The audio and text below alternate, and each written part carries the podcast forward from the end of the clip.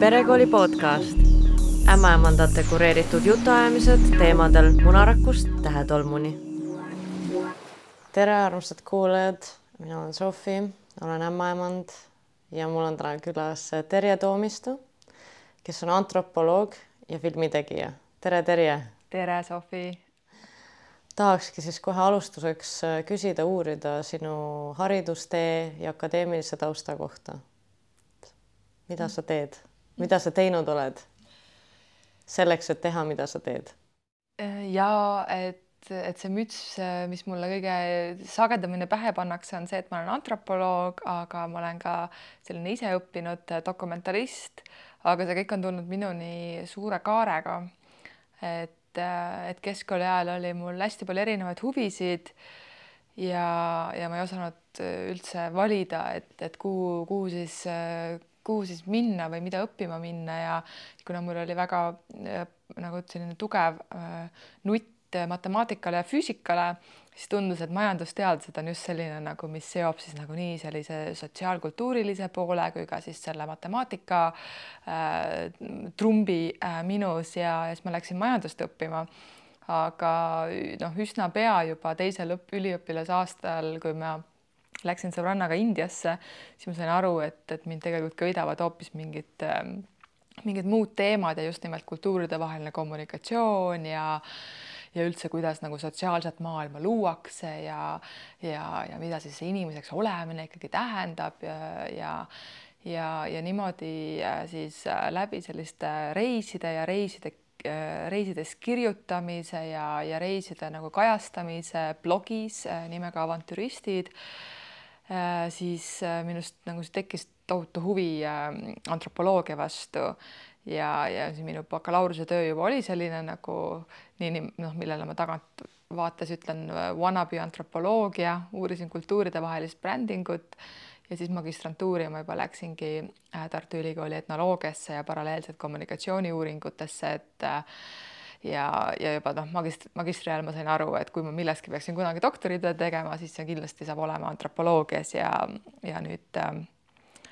nüüd siis juba neli aastat tagasi ma kaitsesin oma oma doktoritöö antropoloogias, äh, mis põhines uurimustööl Indoneesias, Java saarel ja, ja Paapuas, kus ma uurisin siis äh,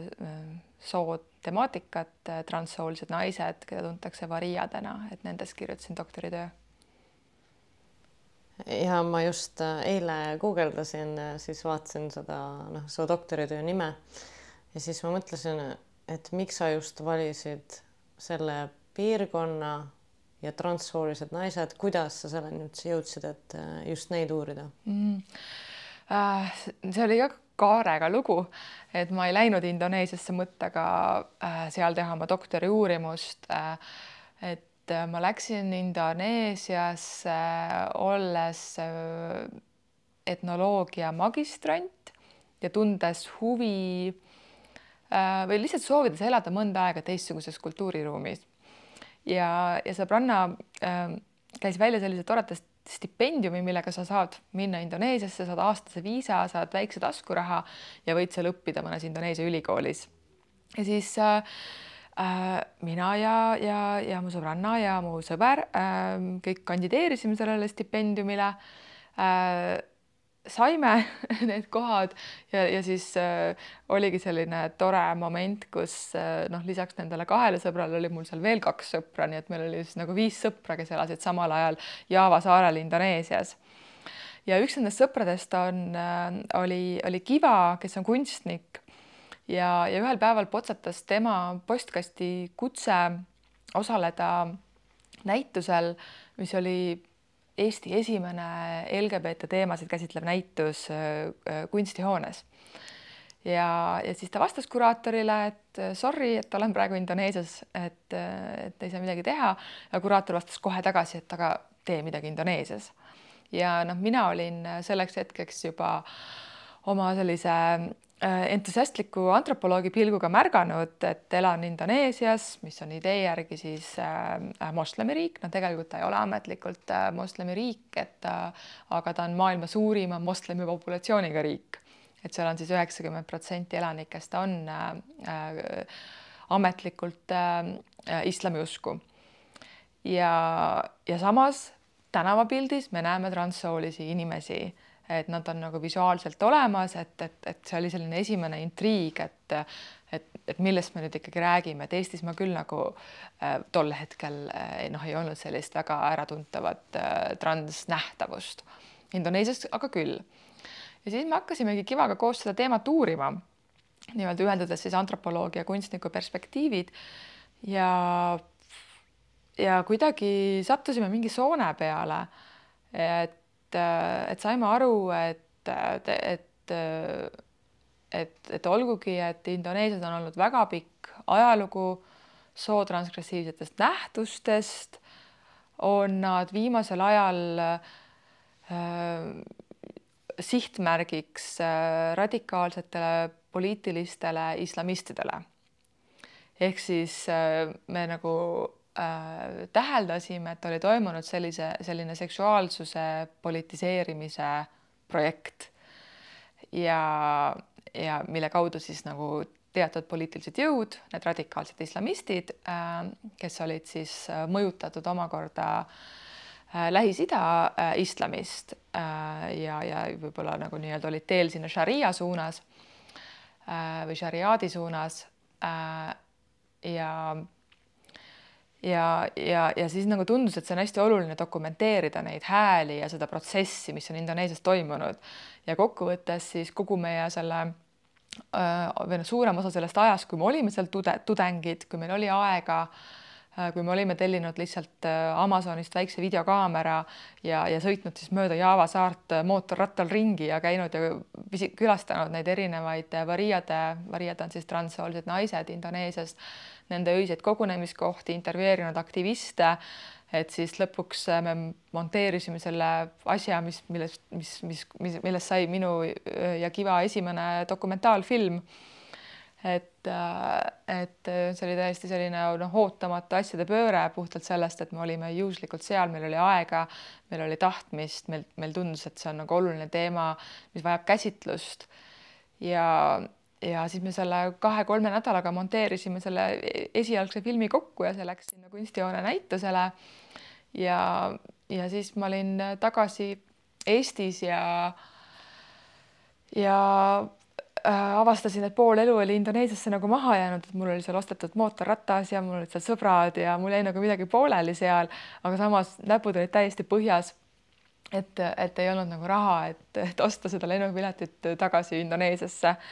ja siis, äh, siis keegi nagu soovitas, et astu siis doktorantuuri ja vaata, mis saab, et siis saab nagu taotleda rahastust, et minna nagu tagasi Indoneesiasse.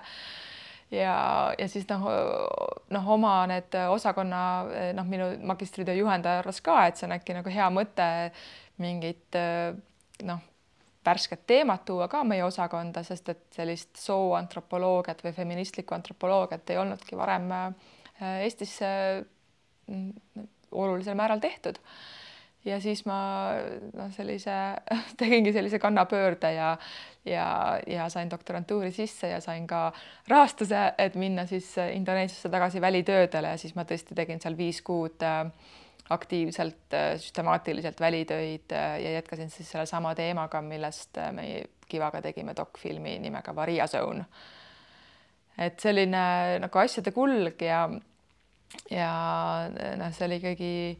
noh, hästi-hästi noh, ääretult huvitav ja silmi avardav äh, kogemus ja samas keeruline ka, sest et tõesti ma olin Eestis ainuke Indoneesia uurija ja, ja ka üksik äh, soo või seksuaalsusele keskendunud antropoloog et üsna niisugune üksik oli see, see akadeemiline teekond äh, siin Eestis, aga,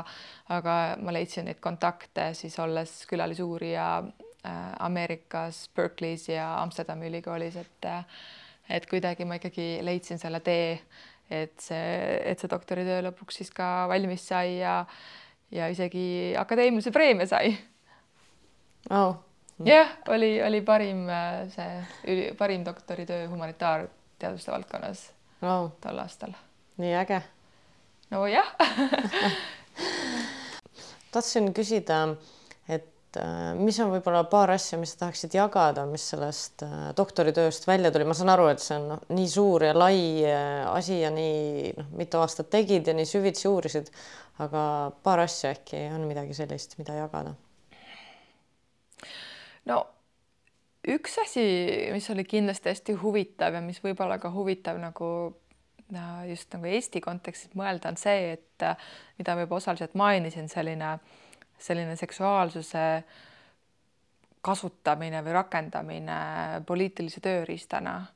et hästi huvitav, et Indoneesias me seda täheldasime ja mõned asjad lähevad mööda ja ma järsku märkan, et Eestis hakkab toimuma üsna sarnane asi. et, et järsku nagu äh, hakkas, hakkas teatud poliitilisi jõude nagu väga huvitama see, et kes kellega käib, kes kellega koos elab, kes kellega magab, et ähm, et ka,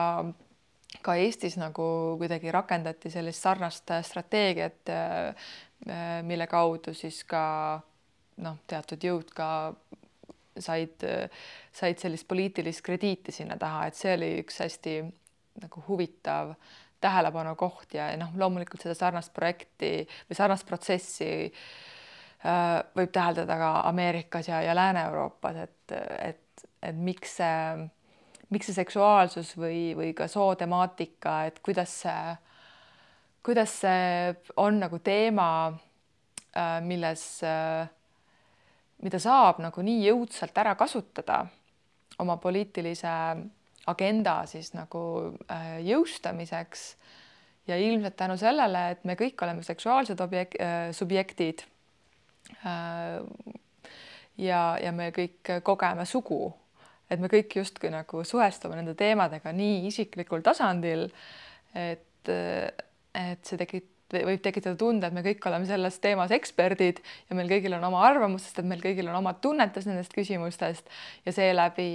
noh, ongi võib-olla selline soodne pinnas, et keegi hakkab sul jaurama seda teemat, et, et ei tohi ikkagi elada koos samast soost inimesed ja, ja mis nüüd kõik saab, kui, kui see peakski nüüd juhtuma ja ja, ja siis nagu selle kaudu nagu pingestati ja, ja mingis mõttes on toimunud nagu polariseerumine. et ma arvan, et see ei ole veel nagu äh,, see ei ole nüüd nagu lõppmäng, kui nüüd see äh, abieluvõrdsus on Eestis äh, kehtestatud, aga et seal kindlasti on ka mingit sellist äh, mingil määral mingeid tagasilööke oodata, aga, aga, aga loodame, et mitte väga valusaid. ja ja noh, võib-olla noh, teine teema, noh seda, seda seksuaalse poliitili-, poli-, politiseerumise teemat äh, mu doktoritöö käsitles nagu kaudselt, aga põhiteema on ikkagi see, et kuidas, kuidas siis nagu äh, Indoneesia transnaised nagu püüdlevad äh, kuuluvuse poole, et, et olla osa sellest ühiskonnast ja ja, ja tunda ennast aktsepteerituna, et, et, et ka need teemad on on noh, midagi noh, võrdlemisi universaalset, et äh, et kuidas siis kehaliste praktikate kaudu nagu taotleldakse mingisugust kuuluvust või, või sealhulgas ka siis rahvuslikku kuuluvust, et Indoneesia variade puhul on see kindlasti see, et, et olla osa Indoneesia ühiskonnast, aktsepteeritud osa ja, ja, ja tunnustatud osa. et see on see, mida, mida variad ootavad, aga aga see jah, see noh, see olukord on ikkagi nagu jätkuvalt väga-väga keeruline, et et, et ka pärast seda, kui me tegime äh, Kivaga selle dokfilmi, siis aastaid hiljem tegelikult see kõik läks veel õudsemaks. et, äh, et selline pingestatus on seal siiamaani, et kuidas ikkagi variad ühelt poolt nagu püüavad luua endale sellist iseolemise ruumi ja ja, ja noh, püüavad näidata, et nad on äh, ka ühiskonnas kasulikud ja, ja, ja, ja noh, noh, rääkimata täiesti põhilistest inimõigustest, aga teiselt poolt ikkagi jätkuvalt on, on noh, seal siis muidugi ennekõike selline patuse diskursus, et need on ju, ei ole ju Allahi poolt heaks kiidetud äh, sotsiaalsed praktikad jah, eks noh, need teemad on nii keerulised, kindlasti saab nendest väga pikalt äh, ja kaua rääkida ja ja põnev äh, on sind kuulata. ja ma saan aru, et sa tegid dokfilmi Kivaga, kas see oli nagu, said aru, et oo oh,, et film on miski, mida ma tahaksin veel teha elus või tol hetkel sa ei mõelnud ja millal sa tegid järgmise filmi peale seda? no ma kuidagi teadsin või ma, või ma arvasin, et, et ma kindlasti teen elus dokfilmi äh, kuskil paar aastat enne seda, kui, kui see Varia Zone juhtus. et äh,, et ma olin siis juba päris palju tegelenud fotograafiaga ja just sellise antropoloogilise või reisipildiga ja, ja samas kirjutanud, et, et mul oli tunne, et varem või hiljem need kaks äh, suunda nagu saavad üheks ja tekib audi, audiovisuaalne meedium. aga see, et see juhtus nii ruttu, see oli minu jaoks üllatav, et, et läks, et olimegi Indoneesias ja, juba filmisime, juba monteerisime ja olgugi, et see oli nulleelarvega tehtud aktivistlik sekkumine ta rändas päris, päris kenasti ikkagi paarikümnel filmifestivalil äh, üle maailma. ja et, et ja varijad olid väga tänulikud, et selline film sündis ja nende jaoks oli see selline oluline hüppelaud, et, et leida endale rahvusvahelisi nii-öelda koostööpartnereid või, või, või suurendada oma nähtavust ja seeläbi saada ka ise sellist entusiasmi juurde, et et oma tegevusega jätkata.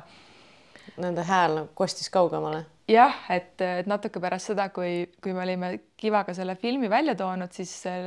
lendas neile Wise peale ja siis sellest ajast peale nagu hakkasid hästi paljud rahvusvahelised ajakirjanikud käima ja ja, ja uurima seda teemat ja, ja ma ei tea, et kui, kui palju sellest tõtt on, aga on küll aktiviste, aktivistidest variased, kes on öelnud mulle, et see oli just, et nagu väga suur tänu nagu ikkagi, et, et see, et selle Variasooni filmile tegi, et tegime, et, et et, see nii palju on aidanud neid, aga aga eks see tõde on kuskil seal vahepeal ilmselt. aga, aga, aga oma järgmist filmi ma tegelikult hakkasingi tegema kohe-kohe pärast äh, selle Variasooni äh, valmimist äh,. äh ja see oli siis nõukogudeaegsest hipiliikumisest. et, äh, et kuidagi tundus, et äh, miks just sellest liikumisest? Et ka see lugu on, on, on nii veider, et, et, äh, et minu meelest äh, see, kui ma õigesti mäletan, siis see algimpulss tuli isegi siis, kui me olime veel Indoneesias ja me kohtusime seal Indoneesia sellise paari hipiliku tegelasega, kes, äh, kes oli ka siis sellisest hip, hipiaegsest põlvkonnast ja, ja siis sealt äh, tuli nagu see mõte, et huvitav, et Eestis on ju ka täiesti arvestatav selline karvaste intellektuaalide äh, nagu kihistus, et, et, et mida nad mõtlesid ja kuidas nad nõukogude ajal elasid, et see oli see algimpulss ja tol hetkel me noh, tegelikult veel ei teadnud äh, noh, Kivaga siis, kui me nagu seda ideed nagu äh, arendama hakkasime, et me veel ei teadnud, et äh, et, et me saame ikkagi rääkida liikumisest, et me arvasime, et see, see idee või see film saab olema nagu nendest äh, pikajuukselistest boheemlastest, aga äh, kaevudes siis sellesse teemasse, tehes uurimustööd äh,, kohtudes inimestega, tehes esimesed intervjuud, et siis üha rohkem hakkas sealt välja kooruma tõeline selline subkultuuri lugu. ja, ja noh, see noh, kuna tol hetkel ei olnud äh, nõukogudeaegsest hipiliikumisest äh, kirjutatud äh, midagi sellist äh, ülevaatlikku, mahukat äh,, teaduslikku, siis tuli al alustada ise sellise uurimustööga või sellise antropoloogilise uurimusega, et sellepärast oli, oli alguses vaja hästi palju noh, teha intervjuusid inimestega, kes veel elasid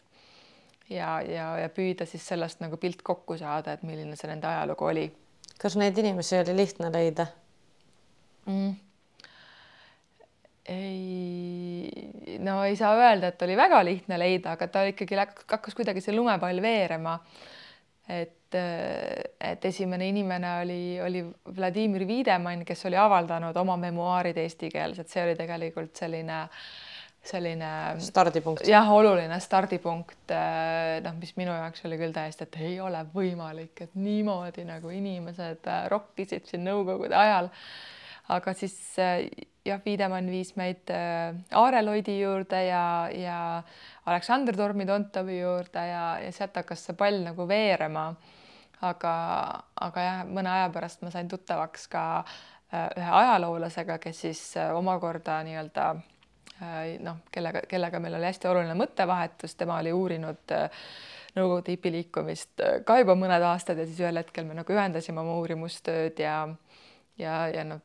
tema soovitas veel inimesi nagu Venemaalt ja, ja ühesõnaga ühel hetkel sai pilt nagu enam-vähem selgeks, et kes need liidrid olid või et kes on olulised inimesed, keda tuleks kindlasti intervjueerida ja, ja kelle lugu sellesse filmi kaasata. see film oli päris edukas Äh, jah, ja ta ikkagi äh, jah, päris, päris korralikult äh, tiirutas ümber maa, ümber, ümber maakera ja, ja, ja ka päris pikalt, et siin veel eelmisel aastal olid, olid Taiwanis oli tal tuur ja, ja et olid, olid veel mõned linastused, et vahel kutsutakse konverentsidele näitama. millistele konverentsidele? no näiteks eelmine kuu Äh, ma olin äh, äh, rahvusvahelisel folkloristika konverentsil Riias, et see nüüd oli viimane kogemus seda filmi nagu konverentsi kontekstis näidata. aga noh, ta ja et, et see on Eesti mõttes on ta, on ta üks lugu, mis nagu avab seda, seda nõukogude aega, mida me oleme harjunud nagu mõtlema pigem sellise nagu äh, katkestuse või tühimiku või, või sellise musta õudse auguna, mida parem on mitte mäletada. sektsioonikopid nagu..., üks vorst, järjekord ei tea miks. jah, et, et ta nagu avab nagu mingit teistsugust lugu, et sellist nagu vastupanuliikumise lugu või iseolemise lugu või vabaduse otsimise lugu või, või rõõmu või siis sellise, sellise psühhedeelia lugu nagu Nõukogude ajast, et ta selles mõttes äh, annab nagu hoopis teistsugust tunnetust sellele ajale ka, et, et mitte kõik ei marssinud äh, äh pimestatud siis propagandast äh, kuskil punaste rättidega, et äh, sa võisid seda ka küll teha nagu show mõttes kaasa, aga et, et kui palju tegelikult oli sellist iseolemise ruumi ja vaba mõtlemist ja, ja head muusikat ja ja kunstilist tunnetust noorte hulgas et see on nagu see lugu või noh, see värskus, ma arvan, mida see film on, on toonud. filmidest rääkides äh, hiljuti tegid ka filmi nimega Põlvkond äh, piiride taga. oli selline nimi? Põlvkond piiri taga. piiri taga jah. et äh, mis sa sealt teada said ja kuidas sa seda tegid? ma nägin seda ka hiljuti, et miks sa seda tegid mm.? no see, see film on seotud minu järeldoktori projektiga, äh, mis, äh, mis võttiski fookusesse Y-põlvkonna rändepraktika. Y-põlvkond on siis need nii-öelda minuvanused noored, et kes on siis praegu kahekümnendate teises pooles ja kolmekümnendates eluaastates. et, et ma ise ka noh, mainisin siin enne, kuidas ma äh, juba nagu käisin ülikooli teisel aastal Indias, aga ma elasin ka Londonis mõnda aega ja Prantsusmaal elasin ja Venemaal elasin äh,. tegin oma magistritöö uurimuse seal, siis Indoneesias olin poolteist aastat, Ameerikas aasta, Amsterdamis, et mul oli nagu hästi palju sellist äh, liikuvat eluviisi seoses õpingute ja uudishimuga ja, ja mõnel korral oli ka see dilemma, et kas ma nüüd tulen tagasi Eestisse või ma äh, äkki ikkagi jään nagu, ma ei tea, mingi parema leiva peale või uute väljakutsete peale kuskile, kuskile teise kohta. ja, ja nagu selle, selle tunde pealt äh, sai ka siis see, see projekt kirjutatud ja, ja noh, noh, loomulikult on see, on see Y-põlvkonna rändelugu nagu hästi, hästi nagu noh, ta on nagu või võimaldab ka rääkida Eesti ühiskonnast hoopis teistmoodi et, et meie põlvkond on kõige mobiilsem põlvkond äh, ja see, et, et noored veedavad mõned aastad äh, oma täiskasvanu eas kuskil mujal, on nagu hästi nagu tavapäraseks saanud, et, et seigeldakse ringi, tahetakse näha maailma, tahetakse õppida kuskil äh, huvitavates linnades või ülikoolides. et ja, ja samas need noored ähm, jätkuvalt identifitseerivad tugevalt eestlastena, nad mõtlevad tagasipöördumise peale, nad tahavad tunda ennast osana Eesti ühiskonnast, et nagu see on see, mis sellise kolmeaastase uurimustööga nagu on, on minuni nagu jõudnud. ja, ja sealt ka siis see film. aga enne me rääkisime, et selle perekooli äh, podcasti teemadega seonduvalt võib-olla üks nagu noh, huvitav asi, mida tõesti ma ei osaks, ei osanud arvata, et et selline asi võib nagu ilmsiks tulla selle uurimuste käigus, oli, oli jah see, et äh, et kuidas päris paljud naised nagu tõid välja põhjustena, et miks nad ei soovi tagasi Eestisse tulla nagu mingit laadi sotsiaalset survet sellele Äh, kuidas üks naine võib Eestis olla, et olla normaalne või olla siis nii-öelda nagu aktsepteeritud, et äh, et see tuli nagu päris mitmest äh, intervjuust välja. et, et inimesed tunnevad ennast kuskil mõnes Lääne-Euroopa linnas elades kuidagi vabamalt. et, et keegi ei vaata nende poole küsimusega, et et, et miks sul veel lapsi ei ole ja mainiti seda äh, kakskümmend seitse, kahekümne seitsme aastane naine sealt edasi on ühiskondlik, ühiskonnale kahjulik element, et kõik need nagu noh, äh, mis oli siis nagu EKRE, EKRE poliitikute välja öeldud nagu lause, aga. kahekümne seitsme aastane lastetu naine. jah, just, et äh, ühiskond jah, lastetu naine, et, et, et see on nagu paljuski nagu mõtlema panev, et, et kui et kui, kuna Eestis on ikkagi nii tugevalt on, on, on, on pead vaevatud selle iibe küsimuse pärast ja hääbuva rahvuse pärast ja ja, ja kuidas siis äh, on ka mingid ühiskondlikud ootused äh, sugudele või siis täpsemini naistele. et, et kuidas need äh,, need on nagu noh, tekitanudki osades naistes sellist äh, tõrksust või või, või see, et nad, nad on elanud mõnda aega mõnes teises kultuuris äh, on, on tegelikult mõjutama hakanud nende tagasipöördumise kaalutlusi. et see ei pruugi tähendada, et see naine ei soovi kunagi lapsi saada, aga see võib tähendada pelgalt seda, et see naine on näiteks kolmekümne kahe aastane ja tal veel ei ole lapsi ja ta võib juba tajuda nagu seda sellist survet, et et kui sul ei ole teatud vanuseks teatud arv lapsi ja korter ja heteroseksuaalne äh, suhe.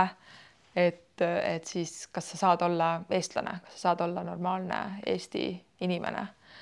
et äh,, et see küsimus oli küll üks selline ootamatu, ootamatu tähelepanek, mis sellest uuringust äh,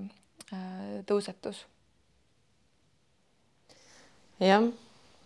eks igasugust äh suhtumist on, aga võib-olla see ongi nagu selle põhjusega, et iive on madal ja et äh, umbes, et, et äh, tuleb ikkagi oma kohustust täita ja saada lapsi ja mitte Eestist ära minna. jah, aga noh, kellele sa neid lapsi saad, et, et ma mäletan, et minu ema ka kunagi ütles, et, et, et üks laps sinu eest, üks laps sinu Äh, nagu mehe eest ja üks laps riigile. Et, et noh, lapsepõlves ma mäletan nagu midagi sellist, et, et noh, selline mõtteviis võib olla, et sa nagu, nagu et see kolmas laps on kindlasti see panus nagu ühiskonda või, või eestluse kestvusesse ja nii edasi, aga aga noh, noh, see, et mina arvan küll selle koha pealt, et et see, et see raha või, või see, ma ei tea, kolmanda lapse suur megatoetus ei ole nüüd see, mis,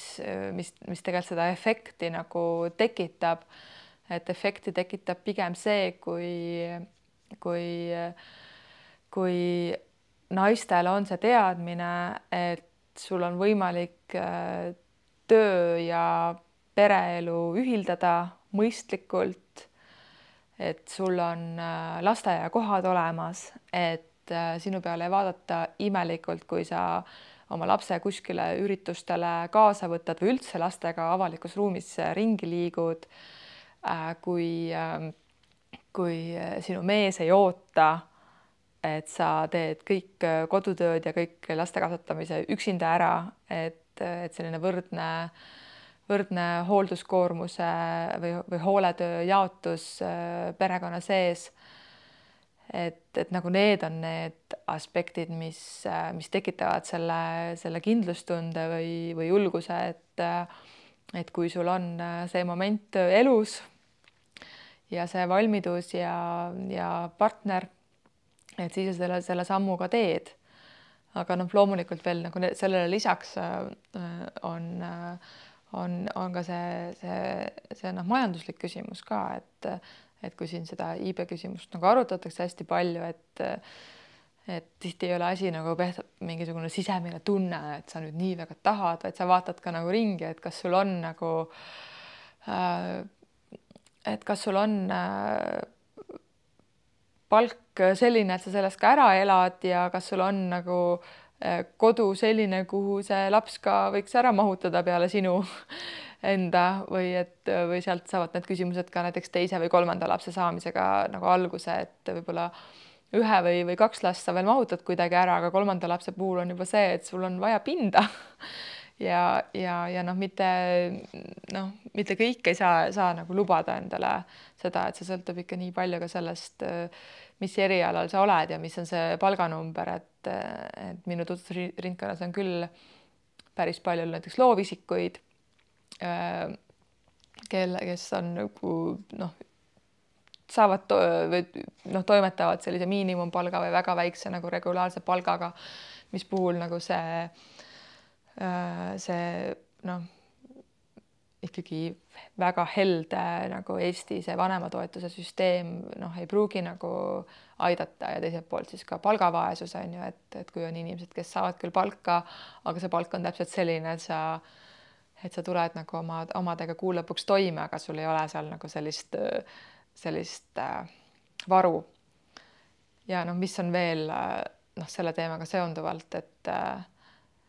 et äh,, et mida,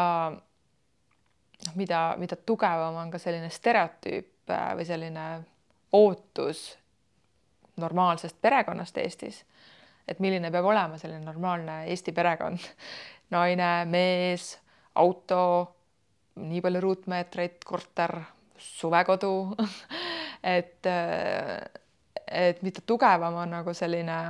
musterperekonna nagu stereotüüp, et seda vähem, vähem lapsi sünnib, ma arvan. et, et kui kui on äh, aktsepteeritud elada ka teistmoodi, saada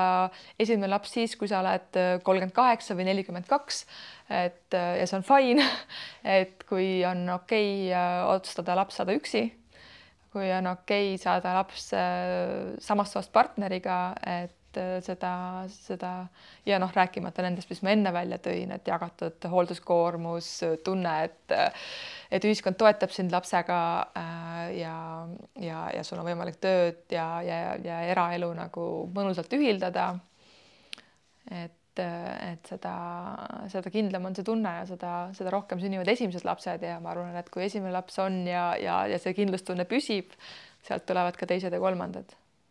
noh, tuli pikk statement ja monoloog siin nüüd. Ja no ja ma arvan, et äh, sul on õigus, kindlasti võib-olla veel mingeid aspekte, mis äh, seda lasteaia saamist mõjutab. et ähm, aga kindlasti see ühiskond äh, noh, justkui nagu toetaks, aga samas noh, kõik, mis sa välja tõid, et see on niisugune nagu nokk kinni, saba lahti olukord natuke, et mm. -hmm. et nüüd võrreldes äh, üle-eelmise aastaga sündis tuhat last vähem Eestis. et kaks tuhat kakskümmend üks sündis neliteist tuhat last ja kaks tuhat kakskümmend kaks kolmteist tuhat. et keegi täpselt eh, noh, ei oska öelda, miks on ju mm -hmm. Covid. et kas see on majanduslangus?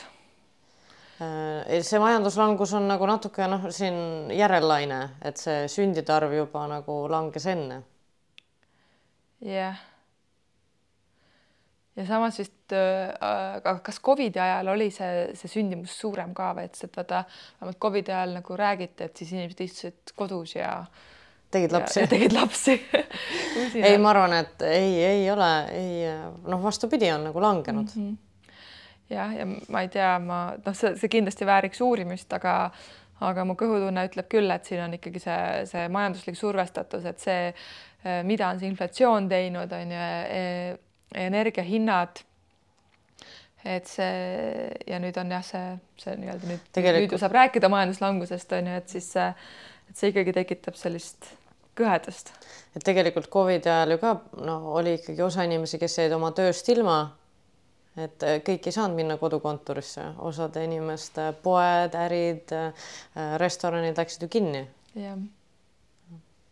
aga uurimusest, uurimisest rääkides, mm, mida sa tahaksid veel uurida lähiajal, mis plaanid sul on mm.? unistused uh,? ma tunnen, et mul on nagu äh, äh, need, need paar projekti on ikkagi veel nagu lõpetamata. Et, et ma tahaks veel äh, mingid otsad kokku sõlmida nagu nii Indoneesia projekti puhul kui ka siis selle äh, rändeprojekti puhul. Aga, aga kuidagi ka nüüd, nüüd siin seoses sellega, et ma ka ise sain äh, hiljuti emaks, et et on, on ikka kuidagi tiksub seal, seal mõttes juba, juba ammu, ammusest ajast on tiksunud mõttes ikkagi need mõtted ka, ka seda Eesti äh, naiste või, või sellist naiste ootuseid nagu naise rollile kaardistada, uurida ja ka ajaloolises perspektiivis, et et, et kuidas see sugu ja seksuaalsus on toiminud siin nõukogude ajal ja, ja ülemineku ajal ja ja kuidas soorollid on sellega seoses muutunud, kuidas on sellised ootused või soovid ka naistel muutunud, et, et kui nõukogude ajal oli äh, oli ju näiline võrdsus äh, sugude vahel, mis reaalsuses tähendas seda, et naine tuleb töölt koju ja algab tema teine töövahetus, sest et äh, noh, kodus ei olnud veel selles mõttes võrdsust, et, et mees äh, teeks ka kõik kodutööd võrdselt kaasa, vähemalt paljudes perekondades see nii oli, siis üheksakümnendatel need perekonnad või need naised, kellel oli see võimalus, siis paljude jaoks oli see vabastav, kui nad said jääda koju, ollagi täiskohaga pereema noh, nüüd see, nüüd on nagu see, see nagu pluraliseerunud, võib-olla rohkem on tulnud ikkagi see soov naiste poolt, et jah, ma küll tahaksin saada kolme last, aga ma tahaksin see, selle kõige käigus äh, ikkagi, et mul oleks oma karjäär ja oma, oma asi ajada selles, selles elus, mitte et ma oleksin ainult äh, Äh, nagu täiskohaga äh, pereema, et, et see süsteem võiks nagu toetada seda võimalust või siis ka see jagatud äh, hooldustöö äh, partneriga võiks seda võimaldada. aga teiselt poolt äh, noh, ma arvan, et on ka väga okei okay,, kui on naisi, kes äh, kes teevad teadliku karjääripausi ja, ja võtavadki selle aja ja, ja, ja naudivad äh, seda võimalust, mida, mida ka vanemahüvitis äh, noh, tegelikult loob, et, et sul on võimalik pühendada, pühendada sellele pisikesele. aga noh, ma ise arvan, et äh, et, et, et minu, minu, mind näiteks isiklikult rahuldab just selline kuidagi vahepealne, et, et mulle väga meeldib, et mul on ikkagi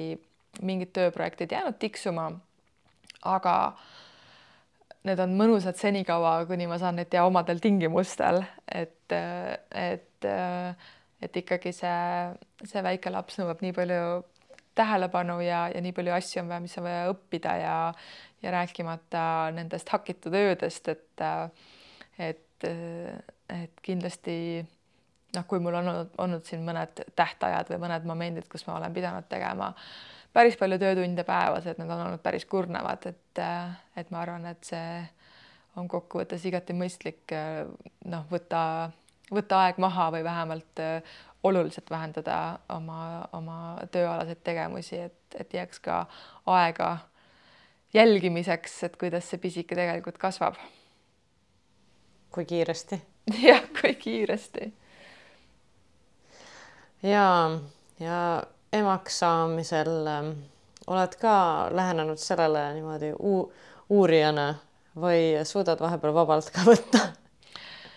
ei, ma ei arvan, et ma ei ole sellele lähenenud uurijana, et äh, et siin noh, raseduse ajal ikkagi aeg-ajalt oli nagu mingi mõte või keegi tegi mulle ettepaneku, et äkki ma ei tea, dokumenteeriks või teeks mingi filmiprojekti, aga aga, aga siis ma sain ikkagi aru, et ma ei jaksa nagu kahte rolli korraga mängida, et minu roll on ikkagi see, et mina olen selles protsessis ja ja ja ma nagu nii-öelda ei hakanud seda asja niimoodi uurima, aga kui sa oled juba kord antropoloog, et siis see ei ole ka selline üheksast viieni töö. et see on nagu pigem selline, selline vaatepunkt ja elutunnetus, et, et paratamatult äh, ma jälgin, äh, ma märkan, ma teen mingid järeldused. Äh, ma olen ka noh, avastanud ennast üllatumas on ju, kui ma näen äh, või noh, tajun nagu, mis, mismoodi nagu teised äh, naised või, või, või need, kes veel äh, on selles märtsibeebide grupis on ju. et, et mis, mis elu nad elavad ja saan aru, et see on nagu päris teistmoodi või päris erinev nagu minu äh, noh, minu lähenemisest või, või seesama, et ma ikkagi olen, olen, olen ikkagi kogu aeg ikkagi noh, teinud teatud määral ka tööasju, et ei saanud kõiki asju nagu kõrvale panna ja, ja mingid noh, projektid, mis on juba varasemalt kokku lepitud, et et ei ole nii, et kõik jääb stopi peale, kui laps sünnib, et sa ei, ei saa kõiki asju nagu kõrvale panna. et et jah, et need on erinevad noh, erinevad viisid, aga aga mis on nagu noh, võib-olla millest nagu siin Eesti nagu diskursuses või, või sellise emaduse diskursuses on nagu vähe, on ka, ka seda seda võimalust nagu rääkida ka nendest noh, keerulistest emotsionaalsetest seisunditest, mis võivad emadusega kaasneda või või et, et kõik ei ole nagu see roosamanna ja lilleline või seesama sotsiaalne survestus, et et oleme nüüd kõik need edukad ja rõõmsad emad ja, ja kes tahtsid tingimata saada neid nii palju lapsi ja nii edasi, et et ikkagi osadel emadel on väga raske ja, ja ja Äh, mis ma sulle enne ka mainisin, et äh, et juhtusin kuulama ühte, ühte podcast'i, kus avati nagu päris nagu huvitav perspektiiv äh, sellele emaks saamisele, esmakordsele saamisele, et et antropoloogias on selline teooria nagu, nagu noh, üleminekuriitused, et see on paljudes traditsioonilistes kultuurides nagu pööratakse hästi nagu olulist tähelepanu sellistele pöördelistele momentidele inimese elukaares et milleks on siis äh, noh, sünd, puberteet, äh, täiskasvanuks saamine, äh, abielu, vanemaks saamine, siis nii-öelda tööst loobumine või, või siis nii-öelda eakaks jäämine ja, ja surm, eks ole, et, et sellised olulised momendid ja, ja nendel, nendel momentidel on noh, paljudes traditsioonilistes kultuurides hästi olulised riitused. et, et kus nagu pühitsetakse neid olulisi siirde äh,, siirdemomente ja, ja on sellised olulised siirderiitused. noh, loomulikult meilgi on siin pulm ja matus ja katsikud, et äh, aga, aga noh, paljuski noh, näiteks täiskasvanuks saamise puhul jah, on küll kooli lõpetamine, aga aga üks teooria, mis sedasama hipiliikumist näiteks õigustab, ongi see, et lääne ühiskonnas kadusid ära need äh, täiskasvanuks saamise riitused ja, ja miks siis need noored äh, tahavad minna sinna festivalile ja ja kogeda siis kõiksust äh, läbi siis selle muusika ja sõprade või reisimise või või, või siis nagu noh, mis iganes vahendite et, et see on see, et otsitakse seda kontakti iseendaga ja, ja kontakti siis selle täiskasvanuks saanud, saanud iseendaga. aga noh, emade, emaks saamine on ju samamoodi nagu noh, meeletult äh, suur üleminek ja, ja pöördumatu nagu paljuski ikkagi, et äh, ja, ja nagu sellise, selliste nagu muutustega ja sellise vastutusega ja, ja noh, see vastutus jääb kandma nagu aastateks, et äh, et iseenesest ju väga väga loomulik, et seal võivad tekkida nagu mitte ainult äh, see, see rõõm, äh, vaid ja joovastus sellest, äh, sellest väiksest armsast inimesest on ju, kes, kes noh, ideaalis ja paljude puhul on, on väga oodatud, on ju, aga, aga teiselt poolt on ju ka noh, mida siis see üleminekuriituste nagu teooriaga nagu viitab, on siis see, et, et, et teatud mõttes on seal ka siis selline lein või, või loobumine või minnalaskmine sellest eelmisest elust, sellest eelmisest faasist, mida enam kunagi tagasi ei saa. et, et ma ka ei saa enam kunagi äh, noh, loodetavasti, eks ole, et ei saa, saa enam kunagi olla seesama äh, lastetu mina on ju, kes ma olin äh, äh, aasta-paar tagasi. et äh,, et nüüd on kõik teistmoodi ja, ja jäädavalt. ja noh, teine asi, mida siis sellest noh, üleminekuteooriat, riituste nagu teoorias räägitakse, on siis see liminaalsuse tsoon. et kui inimene läheb siis ühest faasist teise, et siis tihti on siis selline liminaalne ala, kus on kõik võimalik, mis on nagu vahepealsuse tsoon, mis võib olla ka hästi loov tsoon või selline ümbermõtestamise tsoon. et, et ma ei tea, Masai noored mehed Aafrikas siis lähevad kuskile mitmeks nädalaks kuskile lõvi jahtima ja noored mehed on ju siis nagu nii-öelda teevad siis sellise suure nii-öelda nagu ellujäämiskursuse kuskil savannis nagu läbi noh teoorias, et ma ei tea, palju nüüd masaid tänapäeval enam seda lõvi, lõvi seal kütivad. aga, aga noh, samamoodi nagu noh, pärast seda, seda sünnitust, et et et need esimesed kuud ja, ja noh, võib täitsa olla, et see ei ole mitte ainult kuud, vaid on tegelikult esimesed paar aastat, mis on ikkagi selline nagu noh, üleminekuperiood ja ja kus on nagu oluline siis ka noh, nii-öelda anda endale aru, et ka need segased tunded on sellega seoses, et on nagu tohutu kohanemine selle uue olukorraga, selle uue rolliga ja ja ja need ja see, see kurbus või või ka noh, mingid, mingid momendid, mis võivad olla, olla sellised kurvad või, või, või meenutada lausa leina, on ju, et need on täiesti nagu loomulik osa selle juures, et et miks ma võib-olla ise ka enda rasedusse ja ka sellesse sünnitusjärgsesse perioodi nagu suhtusin või, või kuidagi nagu püüdsin seda mõtestada ka läbi sellise kerge rituaalse nagu praktika, et et see oli veel enne, kui ma olin mõelnud sellest üleminekuriitusest, aga ilmselt alateadlikult antropoloogina ma ikkagi kuidagi väga sain aru, et see on nii oluline muutus mu elus ja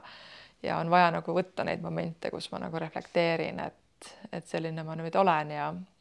ja noh, minu jaoks see noh, toimis kasvõi nagu mõni, mõni kohtumine fotograafiga on ju, kus ma siis nagu tõesti kuidagi reflekteerisin seda iseenda keha muutust on ju, paisutas nii suureks või siis või siis ka pärast see post postpartum tasakaalu nagu riitus, et et see oli ka hästi oluline punkt, et et kuidagi sõlmida see sünnitus enda jaoks tagasi kokku ja ja, ja mõelda läbi need keerulised tunded, mis selle äh, sünnituse ja emaks saamisega ka nagu kaasnesid. mis riitus see oli peale sünnitust, milline see välja nägi? Äh, noh, see oli, see oli tegelikult hästi pikk päev, äh, kus, kus me jõime, jõime teed ja, ja ja, ja mind seoti kokku äh, sallidega, et see oli siis selline nagu kuidagi ka füüsiline nagu kokkupakkimine, et selle, selle keha, mis oli siis hästi avatud olnud selle sünnituse perioodil. Ja see oli siis nelikümmend päeva pärast sünnitust, mis on ka siis nagu mitmes traditsioonilises kultuuris selline üleminekuperiood, kus, kus naine peabki olema rahus ja, ja puhkuses ja, ja taastumises ja ja, ja, ja noh, et see ongi selline liminaalne periood on ju, hästi õrn periood. ja, ja me noh, mis oli tegelikult hästi oluline, oli ka see, et me nagu rääkisime nendest nendest äh, ma ei tea, takistustest, mis olid, olid või mingid barjäärid, mis olid äh,, mis olid olnud, mis olid, mis olid olnud vajalikud ületada, et, et saada emaks, et, et et kasvõi kasvõi seesama, et jõuda see, selle otsuseni, et et äh, finantsmuresid ei ole või nad on nii või nad ei takista mul äh, seda otsust tegemast või või et, et see partner on, on õige, et ma tahan temaga emaks saada. või et noh, mis iganes seal sünnitusel võib olla noh, mingid või sünnituseelsed mingid hirmud või, või mõtted, et et kõik need on nagu omamoodi barjäärid, et, et see oli ka, ma arvan, hästi oluline nagu need ära nagu lõpetada enda peas või nad nagu siis viskasin nad sümboolsesse kaevu. jah, et, et ma arvan, et sellised, sellised momendid, noh, üks asi, mis oli veel hästi oluline, on ju, mida me, mida me koos tegime, oli siis see, see baby shower on ju, mis oli ka nagu hästi-hästi nagu sihuke oluline nagu jälle mingi punkt, selline rituaalne koosviibimine, et äh, ja nagu mõtestamine jälle sellest, noh, mis ka nagu aitab kaasa, et et me olime seal ikkagi naiste ringis, ma kogesin nagu oma seda sõbrannade toetust. võtsin kaasa kõik need head soovid, panin need pärast paberile, võtsin sünnitusele kaasa need head soovid. sünnitusel muidugi neid näha ei tahtnud ei, korraks ikkagi mees näitas mulle neid ka, et aga noh, et et noh, mis iganes, et olgugi, et ma sünnitusel võib-olla olin nagu nii sihuke, et ma ei taha mitte midagi näha siis nagu vähemalt see, et ma olin enne mõelnud need asjad enda jaoks läbi ja, ja nagu noh, tõesti nagu võtnud need soovid omaks, et see kindlasti ikkagi aitas kaasa. et ähm, et ma arvan jah, et sellele emaks saamisele nagu mõeldes läbi sellise üleminekuriitusena või, või üleminekufaasina on, on hästi kasulik, et, et see võimaldab ehk nagu väärtustada neid momente, mis on sellised sissepoole vaatavad või, või rituaalsed, et olgu see siis baby shower või, või enne sünnitust mingisugused momendid partneriga või, või, või, või tuula roll võib siin nagu aidata kaasa, et, et nagu mõtestada seda, seda üleminekut ja või siis need postpartum tuula, kes noh, teevad selliseid, selliseid riituseid on ju, mida ma kirjeldasin ka, et et, et need on kindlasti nagu toe, toeks sellele, sest et seesama nendes traditsioonilistes kultuurides need üleminekuriitused hästi nagu olulist rolli on mänginud siis nagu kogukonna vanemad inimesed, kes on targad, äh, kes nagu toetavad siis neid noori või nooremaid inimesi, kes mingisugusesse uude faasi minevad, et lähevad. et äh, sünnituse puhul on see kindlasti noh, tuule või ämmaemandate roll on ju, kes ämmaemandab võib-olla mitte nii otseselt, aga, aga, aga nii-öelda, et et on need siis sõbrannad, kes toetavad või on, on see Tuula, kes toetab või aga keegi või on siis noh, emad, tädid, ristiemad, kes iganes nagu noh, võib justkui seda, seda vanema, targema naise või, või teadja rolli kanda ja olla siis nagu toeks nende, nende, nende muutustega toimetulekuks jah, vastasidki mu küsimusele, et et mis siis saaks äh, ühis, ühiskonda nagu teha või aidata üksteist. et lihtsalt öeldes, et mida saaks siis võib-olla, mida sinu meelest saaks nagu muuta siis praeguses äh, ühiskonnas, et oleks äh, noh, ütleme siis kergem tulla selle muutusega toime, emaks saamisega no ütleme noh, noh, kõige laiemalt. noh, kõige laiemalt loomulikult äh, ma sooviksin seda, et äh, et Eesti riigis oleks võimalik äh, saada oma töö eest äh, väärikat palka, mis annaks äh, majandusliku kindlustunde võimalikult paljudele äh, naistele sest et äh, ma arvan, et see majanduslik barjäär noh, siiski nagu on, et, äh, et see on, see on paljuski ka põhjus, miks, äh, miks naised noh, lükkavad esimese lapse saamise nagu sellesse faasi, kus nad tunnevad ennast majanduslikult kindlustatuna ja noh, siis et see on võib-olla niisugune laiem struktuurne asi, mida siin kindlasti selle podcast'iga ära ei lahenda, aga noh, see on see, mida ma soovin üleüldiselt, et Eesti inimesed ei peaks Eestist ära minema, sellepärast et nad ei saa siin oma töö eest palka. Ja samamoodi, et, et Eesti inimesed tunneksid äh, ennast nagu kindlana, et nad saavad siin peret luua, et see saab olla koht, kus on äh, mõnus Äh, saada lapsi, et lapsed on ühiskonnas oodatud ja neil on koht, kus mängida, neil on lasteaed, kus areneda.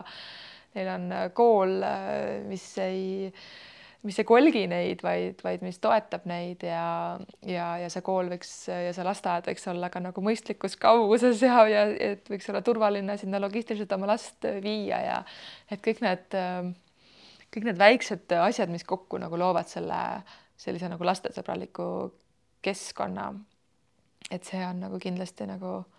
nagu laiemas plaanis, aga, aga kitsamas plaanis jah, et et ma soovin, et, et oleks sellist noh, olles just nagu värskelt selle protsessi läbi teinud või läbi tegemas. et ma soovin, et oleks nagu seda, seda ruumi ja neid inimesi, kes aitavad naistel äh, selle muutusega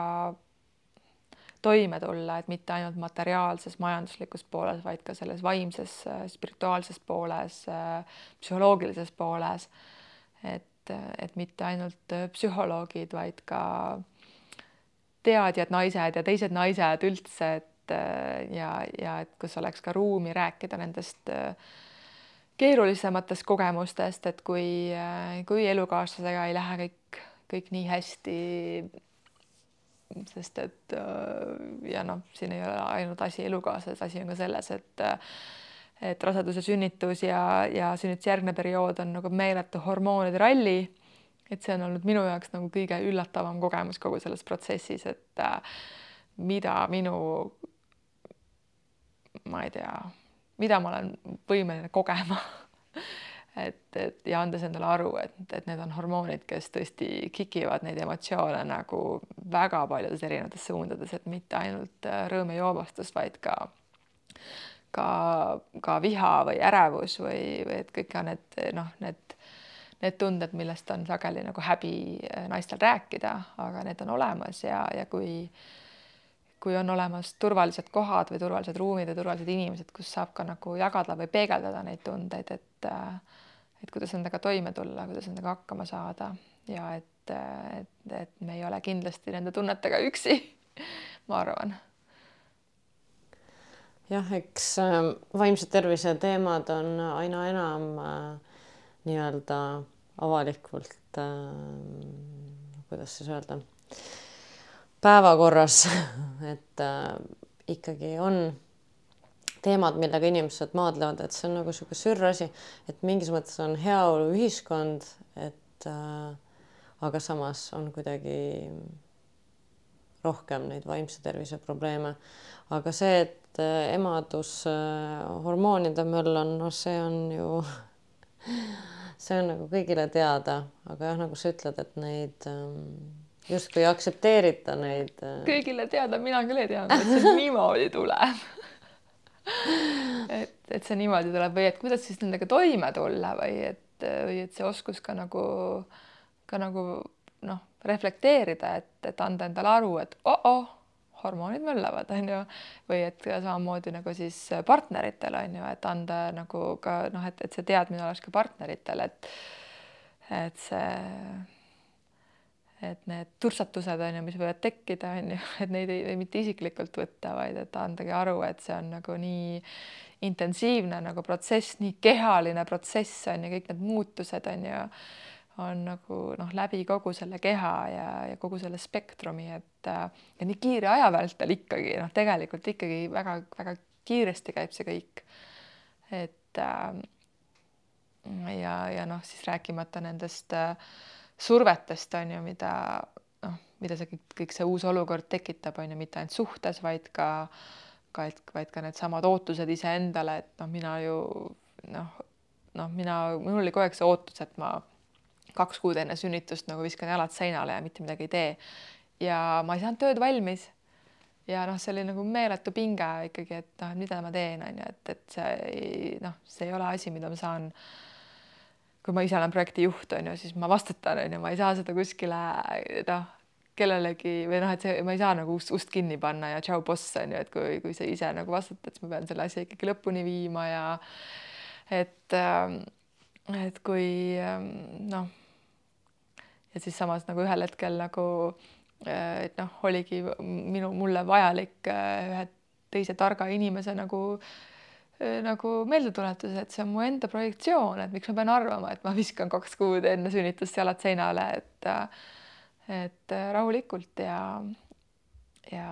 ja noh, läks nii nagu läks, on ju, et et kokkuvõttes on see, et, et kui ma ise tunnen ennast hästi ja ja ikkagi olen üldises plaanis terve ja, ja kõik ju noh, et kuskil on loomulikult piirid on ju, et, et ei tohi ennast katki tõmmata enne sünnitust, aga, aga, aga ei noh, tuleb ka lahti lasta mingitest illusioonidest. ei õnnestunud, siis oli nii. kui nagu objektiivselt vaadata enda olukorda, on ju. jah. siis sellest saab ka leida rahu, isegi kui on kiire. jah. nii tore äh, selline mõnus vestlus on olnud ja palju äh, toredaid mõtteid jagasid, millele võiks veel edasi mõelda ja veel edasi arutada. ja väga, ma tahtsin küsida, et kas sa mõtled vahel, et Eestist ära minna? muidugi, muidugi ma olen, et see mõte on mul peast läbi käinud ja ja ka nende reiside käigus nagu noh, Ameerika Ühendriikides oli see moment, et äkki jään sinna doktorantuuri, mis tähendaks seda, et mul tuleb hoopis teine karjäär ja hoopis teine elu. ja, ja noh, sellises vanuses ka või kus, kus võid mõelda, et äh, kõik inimesed ju armuvad ja abielluvad ja mis iganes, et kui ma nüüd sealt kellegi leian, on ju, siis nii on, on ju. ja ma elangi Ameerikas ja minust saabki ameeriklane ja mul sünnib ameeriklasest laps ja, ja, ja nagu ja nagu mingis mõttes ikkagi kuidagi tõmbas tagasi Eesti poole ja kui ma juba Amsterdamis olin, siis ma, siis ka nagu ikkagi mingid inimesed ütlevad, et vaata, mis võimalused siin on ja, ja, ja vahel nagu ikkagi tajusin ka, et, et justkui minu tööd hinnati äh, nagu äh, rohkem seal kui siin. et äh, see on ka niisugune kultuuriline suhtumine, et, et, et Eestis ikkagi minu meelest ollakse jätkuvalt komplimentidega või tunnustusega väga kidakeelne. meil on vähem kokkuvõttes see rahapott on ju, millest äh, inimesed peavad ära elama noh, akadeemias või, või kultuurivaldkonnas me saame ikkagi rääkida mingitest pottidest on ju, kus siis kõik üritavad oma suudeid saada ja, ja need suudajad on väiksed, et et see on ka ilmselt selles, sellega seotud, kus, et seda, seda tunnutust, tunnustust või tuge nagu ei, ei tule alati nii palju, kui ma olen kogenud äh, kuskil mujal elades. ja noh, tunnustus ja tugi, tugi on loomulikult see, mis nagu äh, noh, on nii palju abiks, kui sa tegeled loomingulise tööga või, või, või keerulise akadeemilise tööga, mis, kus motivatsioon ei ole kindlasti mitte finantsiline, eks ole. et, et nendel momentidel loomulikult on see tunne olnud ja, aga kuidagi nagu ikkagi Eesti on, ma näen Eestis nagu nii suurt potentsiaali, et nii palju nagu neid nagu toredaid inimesi ja, ja toredaid nagu sündmuseid ja see looduslähedus ja see logistiline kergus ja see bürokraatia vähesus ja ja see kultuuri nagu tihedus, et, et need on nagu need asjad, mis mind äh, siin hoiavad, rääkimata eesti keelest ja, ja mingist sellisest armastusest Eesti kultuuri vastu. et, et nagu hirmsasti tahaks, et saaks nagu selle süsteemi siin tööle. aga noh, aeg-ajalt tuleb ikkagi niisugune tunne, et äh, et kas see noh, et kas me saame siin ikkagi nagu hakkama, et, et olen seda, seda noh, seda finantsilist turvatunnet ka ikkagi maininud ja, ja see noh, ikkagi on, on nagu oluline ja, ja nüüd selle viimase inflatsiooni nagu taustal noh, tundub, et, et ma ei ole üksi nende küsimuste ees, et et võib ju olla ka see, et sul isegi läheb hästi. aga see ei tähenda, et, et see, et see tagab selle, selle nagu selle selle kindlustunde või vähemalt selle võimaluse, et sul saab olla ka, et sul oleks ka kodu või et sul oleks ka kodu, kus sinu laps või lapsed või noh, vabalt võiks olla neid väga palju, kui mul oleks koht, kuhu nad panna, eks ole.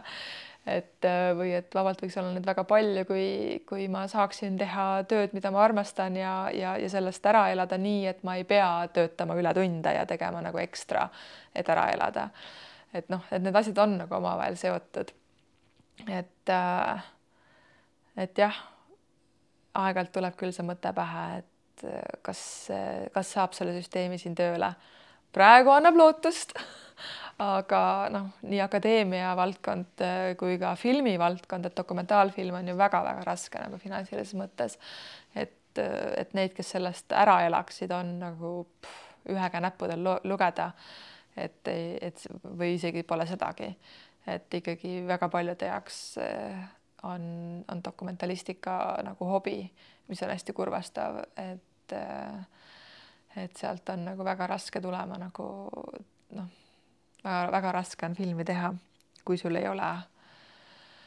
rikast partnerit või pärandust või, või tõesti nagu tohutut õnne, et,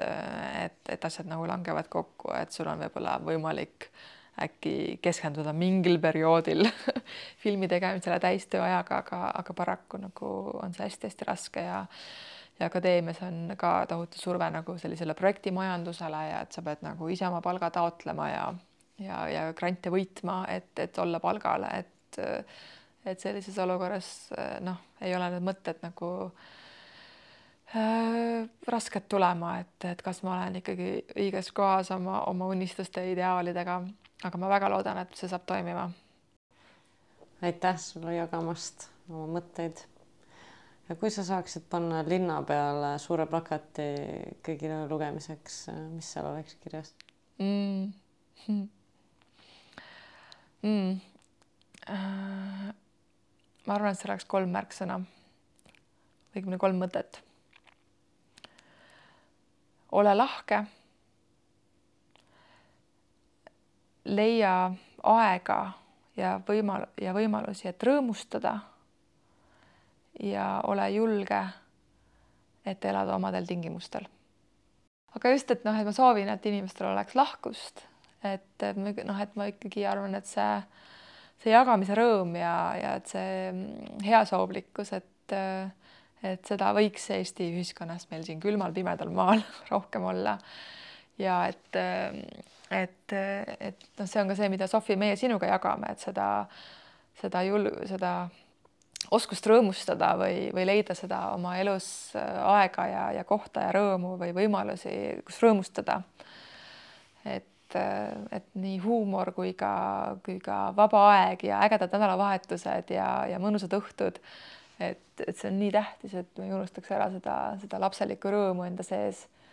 ja kolmandaks tõesti, et see on ka selline feministlik äh, nagu mõtteviis, et, et ja noh, just naistele mõeldes ka, et, et, et ärme karda elada omadel tingimustel ja olla nagu sellised naised, nagu me tahame olla ja sellised emad, nagu me tahame olla ja ja et olgu see siis ähm, pühendudes täielikult oma lastele või siis vastupidi, ühendades või noh, jätkates oma karjääri ja, ja olles seejuures ka ema, et et kõik need võimalused, et peaasi, et see on sinu enda tingimustel. kõlab hästi paneme üles aitäh sulle. tore, et äh, said tulla. aitäh, Sofi, kutsumast ja jõudu sellel väga olulisel tööl. ja aitäh sulle